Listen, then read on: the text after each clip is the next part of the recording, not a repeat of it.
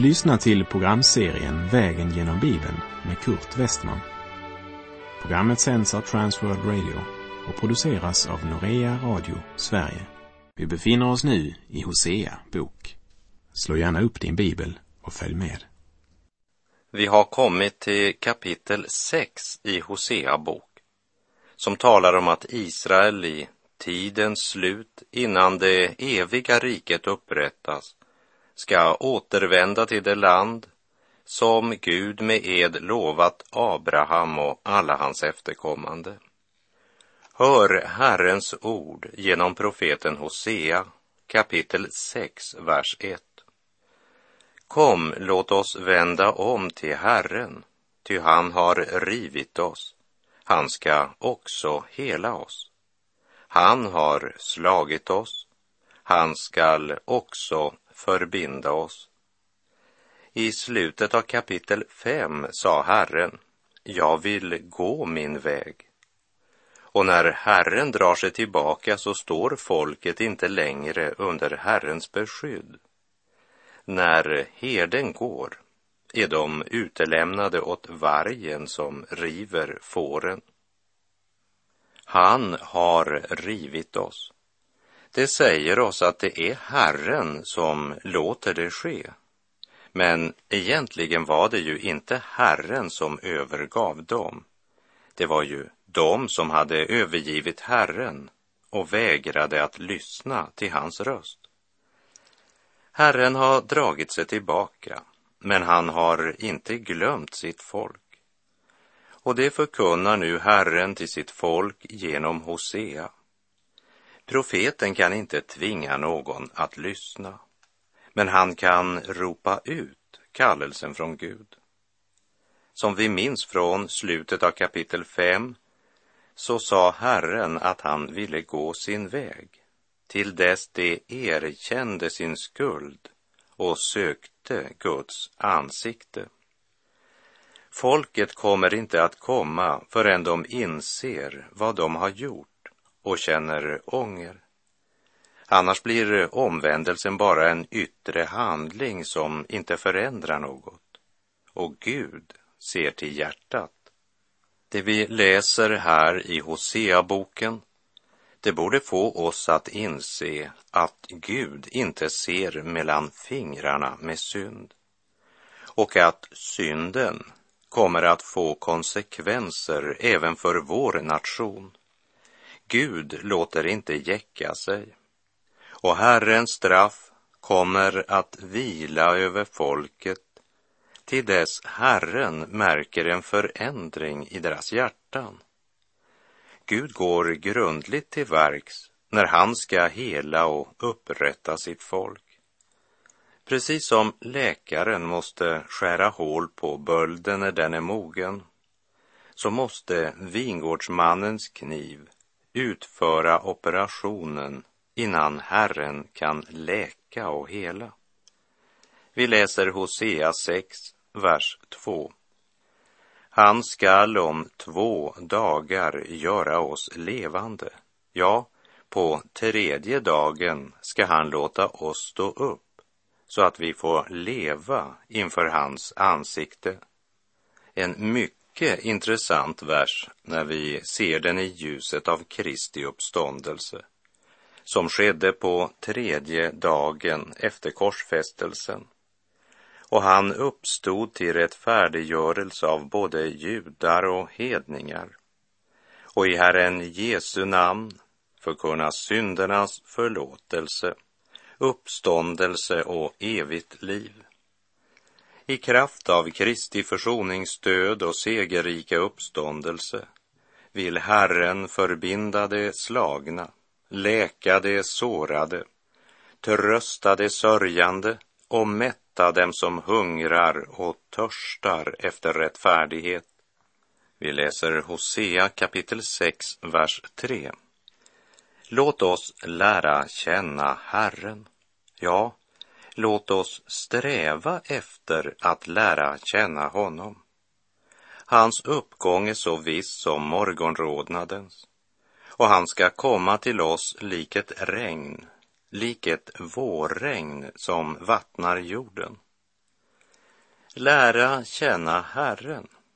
Känna, det talar om att göra personliga erfarenheter i gemenskap med Gud. Och det är hemligheten. Vägen till räddning. Att personligen lära känna Herren. Och på samma sätt som regnet är avgörande för skörden så är Guds ord och Guds livgivande nåd avgörande för vårt andliga liv. Profeten uppmanar, låt oss sträva efter att lära känna Herren. Paulus han uppmanade de troende i Filippi att arbeta med fruktan och bävan på deras frälsning. Trons liv ger inte plats varken för lathet eller bekvämlighet. I Lukas kapitel 16 så berättar Jesus en liknelse om en rik man och hans ohederliga förvaltare. Och uppgörets dag, då han skulle avlägga räkenskap för sin förvaltning, kom överraskande på honom. Och inför tanken på att han nu kommer att avslöjas så säger han i Lukas 16, vers 3. Vad ska jag göra när min herre tar ifrån mig förvaltningen? Gräva orkar jag inte och tigga skäms jag för. Gräva orkar jag inte. Han var alltså inte bara en bedragare och fuskmakare, han var även lat. Den ohederlige förvaltaren var för lat för att vilja gräva. Han varken söker eller finner. Tyvärr finns det många sådana idag. Den ohederlige förvaltaren i Lukas 16, han försökte lösa sitt problem genom att förfalska skuldbrevet. Och hans budskap blev populärt bland hans vänner, som också var tyngda av skuld. Många människor idag vill inte böja sig för Guds ord eftersom Guds ord säger att de är syndare. Och man vill inte omvända sig och be om nåd. Istället så väljer man att inte ta Guds ord så högtidligt. Det vill säga, man förfalskar istället sitt skuldbrev. Kära vän, låt oss inte förfalska skuldbrevet, utan låt oss istället sträva efter att lära känna Herren. Hans uppgång är så viss som morgonrodnadens, och han ska komma till oss lik ett regn, lik ett vårregn som vattnar jorden.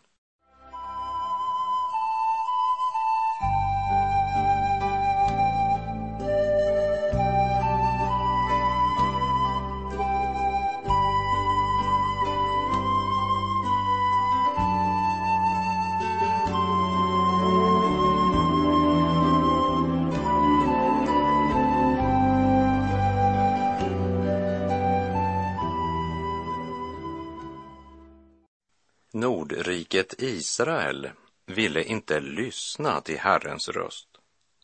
Man valde den falska trösten.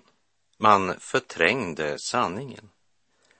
Men den som förskjuter uppgöret genom att förfalska sitt skuldbrev måste ändå till sist göra upp sitt räkenskap. Och det, det sker inför honom som genomskådar alla förfalskningar. Inför honom faller alla fasader vi försökt bygga upp och alla våra ursäkter brinner som torrt gräs. Hosea 6, vers 4. Vad ska jag ta mig till med dig, Efraim? Vad ska jag ta mig till med dig, Juda? Er kärlek är som morgondis, lik daggen som tidigt försvinner. Genom profeten Hosea så gör Herren klart för dem att halvhjärtad syndaånger är inte något som kan tillfredsställa Herren Gud. Samtidigt som frågan i sig själv visar Guds innerliga längtan efter att verkligen få gripa in och hjälpa, hela och upprätta. När människan inte ville lyssna till Herren, ja, då har Herren inget val. Den rättfärdige Gud måste låta sin dom gå över synden. Det var inte det Gud ville, men han tvingar ingen till frälsning. I Johannes kapitel 3, vers 17 och 18 står det inte sände Gud sin son till världen för att döma världen, utan för att världen skulle bli frälst genom honom. Den som tror på honom blir inte dömd, men den som inte tror är redan dömd eftersom han inte tror på Guds enfödde sons namn. Israels folk var mycket religiösa, men de hade ingen kunskap om Gud. Och deras liv var ett liv borta från Gud. Och även idag så flödar religionsaktiviteterna och församlingsverksamheter som inte kallar till omvändelse och helgelse utan erbjuder den falska tröstens bekväma väg. Man talar inte längre om synd och skuld utan bara om skuldkänslor som man försöker bota genom att skylla på omständigheterna. Det är visst ingenting nytt under solen. Gud säger om både Efraim och Juda, det vill säga både Nordriket och Sydriket, att deras kärlek till Gud var som morgondis, lik daggen som tidigt försvinner. I Matteus kapitel 13, där Jesus berättar liknelsen om såmannen, där lägger vi märke till att han talar om fyra typer av åkerjord och i tre av fyra tillfällen gav det ingen skörd, det dog. Han sa att en del av sådden föll vid vägen. En del föll på stenig mark. En del föll bland tistlar. Och ingen av dessa tre bar någon frukt. Jesu liknelse om såmannen borde få varje medlem i församlingen att se efter hur det står till i hans eget hjärta. Tillämpa inte liknelsen på andra, men på dig själv. Dessa vars kärlek var som morgondis, lik daggen som tidigt försvinner, de fanns i olika varianter, men de hade alla en sak gemensamt det bar ingen frukt. När Jesus i liknelsen om såmannen sa att en del föll vid vägen och fåglar kom och åt upp det. Där representerar fåglarna den onde. Djävulen kommer och river bort det som såddes vid vägen. Sådden vid vägkanten representerar medlemmar i församlingen som bekänner sig till den kristna tron. De har hört Guds ord, men ordet blev aldrig förenat med tron. Och eh, om den blev det, så var det bara en intellektuell tro som bara nådde till huvudet. Det handlar alltså om sådana för vilka tron är ett tillägg. Man upplevde att det var något man saknade i livet.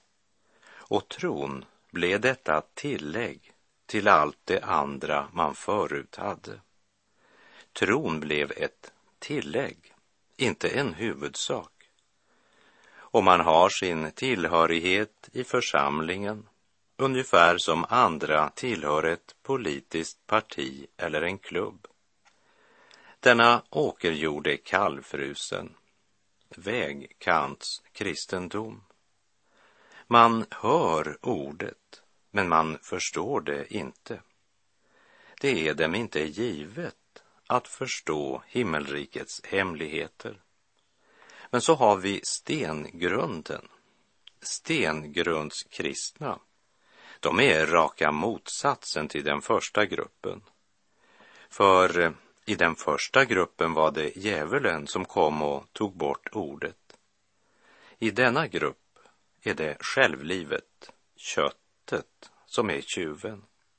Och istället för att vara djupfrysta så är dessa upphettade, varma, känslosamma, fäller tårar och är verkligen rörda. Det är en hel del krut i dessa och de kan vara mycket tända och hängivna på speciella möten. Men påminner mera om utbrända stearinljus i den grå vardagen. Man är å ena sidan verkligen entusiastisk, men man har ingen djupare relation till Jesus Kristus personligen. Stengrunds kristendom. Den tredje gruppen av lyssnare det är tistlar och törnen. Och här är det denna världen som tar bort ordet. Vägkantsmänniskan, där var det djävulen som kom och rev bort ordet. Köttet och självlivet tog hand om stengrundsmänniskan. Men det var världen och världsliga bekymmer som så obemärkt kvävde ordets frukt hos tistelmänniskorna. Ibland är det fattigdom och armod som gör att man bekymrar sig eller önskar sig något man inte har. Andra gånger så är det den bedrägliga rikedomen som gör att man bekymrar sig. När Jesus talar om tistlar eller törnen är det helt enkelt en bild på all omsorg och alla bekymmer för livet på jorden. Och jag har sett många som har låtit världsliga bekymmer kväva ordet från Gud. Och här måste vi vara klar över att detta är inte en bild på tre typer av troende människor. För dessa tre är inte alls troende. De har bara hört ordet och sagt att de tagit emot det. Men trons frukt uteblev. Det var som morgondis, lik daggen som tidigt försvinner, som profeten Hosea uttryckte det. Så käre vän, det finns all orsak att ransaka oss själva om vi lever i tron.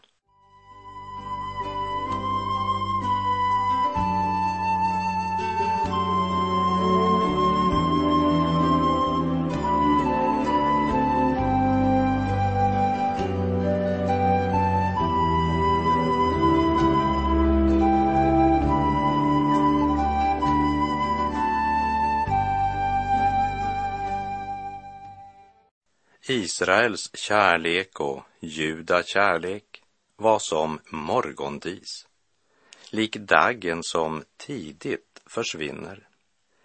Därför måste Gud sända profeterna med budskap som var som hugg. Herren var tvungen att strö salt i deras syndasår.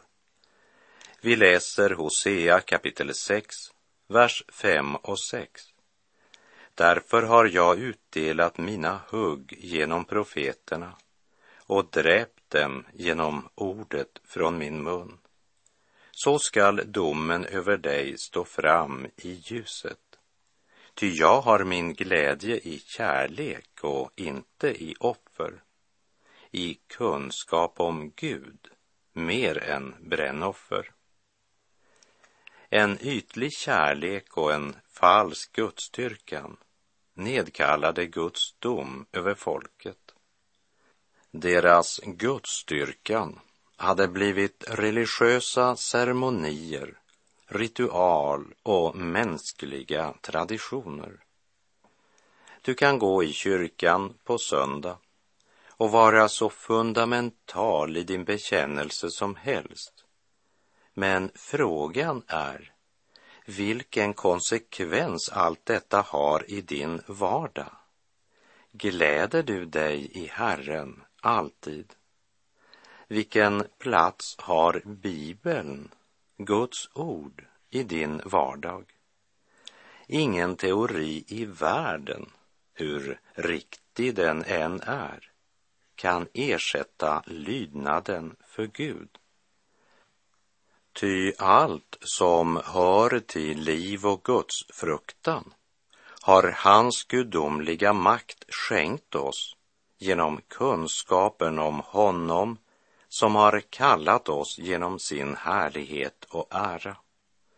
Genom dem har han gett oss sina dyrbara och mycket stora löften för att ni i kraft av dem ska få del av gudomlig natur sedan ni kommit undan det fördärv som på grund av begäret finns i världen. Gör därför allt ni kan för att i er tro visa dygd, i dygden insikt, i insikten självbehärskning, i självbehärskningen broderlig kärlek och i kärleken till bröderna kärlek till alla människor. Ty om allt detta finns hos er och växer till blir ni inte overksamma eller utan frukt när det gäller kunskapen om vår Herre Jesus Kristus. Men den som saknar detta är närsynt, ja, blind, eftersom han har glömt att han blev renad från sina tidigare synder, skriver aposteln Petrus i Petrus andra brev, kapitel 1, verserna 3 till och med 9. Genom profeten Hosea så säger Herren att han har sin glädje i kärlek och inte i offer, i kunskap om Gud mer än i brännoffer. Vi läser Hosea kapitel 6, vers 7 till och med 9. Men dessa har liksom Adam brutit mot förbundet. Sedan dess har de handlat svekfullt mot mig. Gilead är en stad av ogärningsmän. Den är full med blodspår. Lik rövarskaror som ligger i försåt för människor är prästernas hop. De mördar på vägen till Sikem. De utför skamliga ting. Gud hade upprättat ett förbund med sitt folk. Men istället för att inrätta sina liv efter Guds villkor har de, precis som Adam, brutit pakten. De är inte bara präglade av syndafallets skada, men de har valt att tjäna synden. Och det är de andliga ledarna som har fört dem vilse. Lik rövarskaror som ligger i försåt för människor är prästernas hop. Prästerna serverade inte livets bröd till sitt folk, utan förkunnade och levde på ett sådant sätt att folket förlorade livet i Gud. Det ledde till andlig död. Och den pastor eller församlingsföreståndare som inte förkunnar i samsvar med Guds ord, han står skyldig till denna anklagelse. Och ve en sådan när han ska möta överherden. Vi läser Hosea kapitel 6, vers 10 och 11. I Israels hus har jag sett förfärliga ting. Där bedriver Efraim sin otukt. Där orenar sig Israel. Också för dig, Juda, är en skördetid bestämd när jag gör slut på mitt folks fångenskap. Även Juda får veta att också för dem ska det komma en dag då de måste skörda vad de har sått. Det ska komma en dag då Gud ska förlossa sitt folk från fångenskapen. Men innan det sker måste Gud först döma synden. Skörden talar om den dom som de inte kan undgå. Kristus har genom sin försoningsdöd inte bara förlossat oss från syndens skuld och straff. Han har också förlossat oss från syndens makt.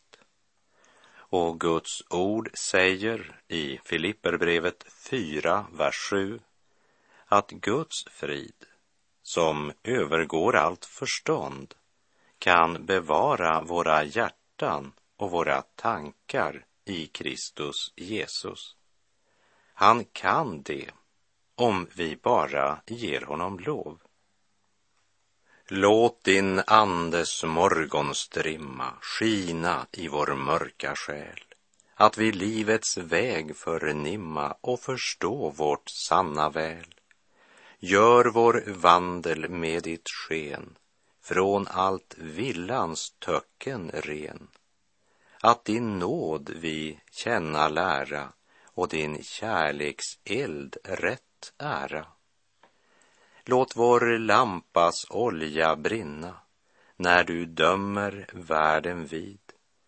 Låt vår levnad så förrinna denna korta vandringstid att du oss av sorgens dal värdes till din fröjdesal och vårt rätta hemvist föra att oss evigt saliggöra. Och med det så är vår tid ute för den här gången. Sök Herren medan han låter sig finnas. Åkalla honom medan han är nära. Och säg till Herren, döm mitt hjärta här i tiden innan världen döms av dig och när tiden är förliden i ditt domslut fria mig. Herren vare med dig. Må hans välsignelse vila över dig. Gud är god.